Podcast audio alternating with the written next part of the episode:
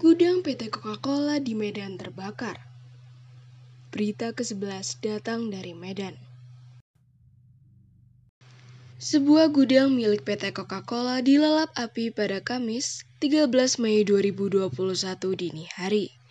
Gudang ini berlokasi di Jalan KL Yosudarso, Kecamatan Medan Labuhan, Kota Medan, Sumatera Utara. Kabarnya, Api berkobar pada pukul 1.05 dini hari waktu Indonesia Barat.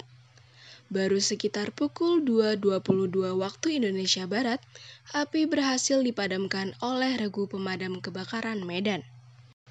Albon Hutauruk, Kepala Dinas Pencegah dan Pemadam Kebakaran Kota Medan, menyatakan bahwa tidak ada korban luka maupun korban jiwa dalam insiden ini. Beliau juga memaparkan tim di lapangan sudah berhasil memadamkan api. Hingga saat ini, polisi masih menyelidiki penyebab dari kebakaran ini. Namun berdasarkan keterangan yang diperoleh, api berasal dari arus pendek listrik. Gudang yang telah dilalap api ini merupakan milik PT Coca-Cola. Biasanya gudang tersebut digunakan untuk menyimpan barang dan botol bekas. Oleh karena api yang mampu dipadamkan dengan cepat, api tidak menghanguskan seluruh bagian gudang.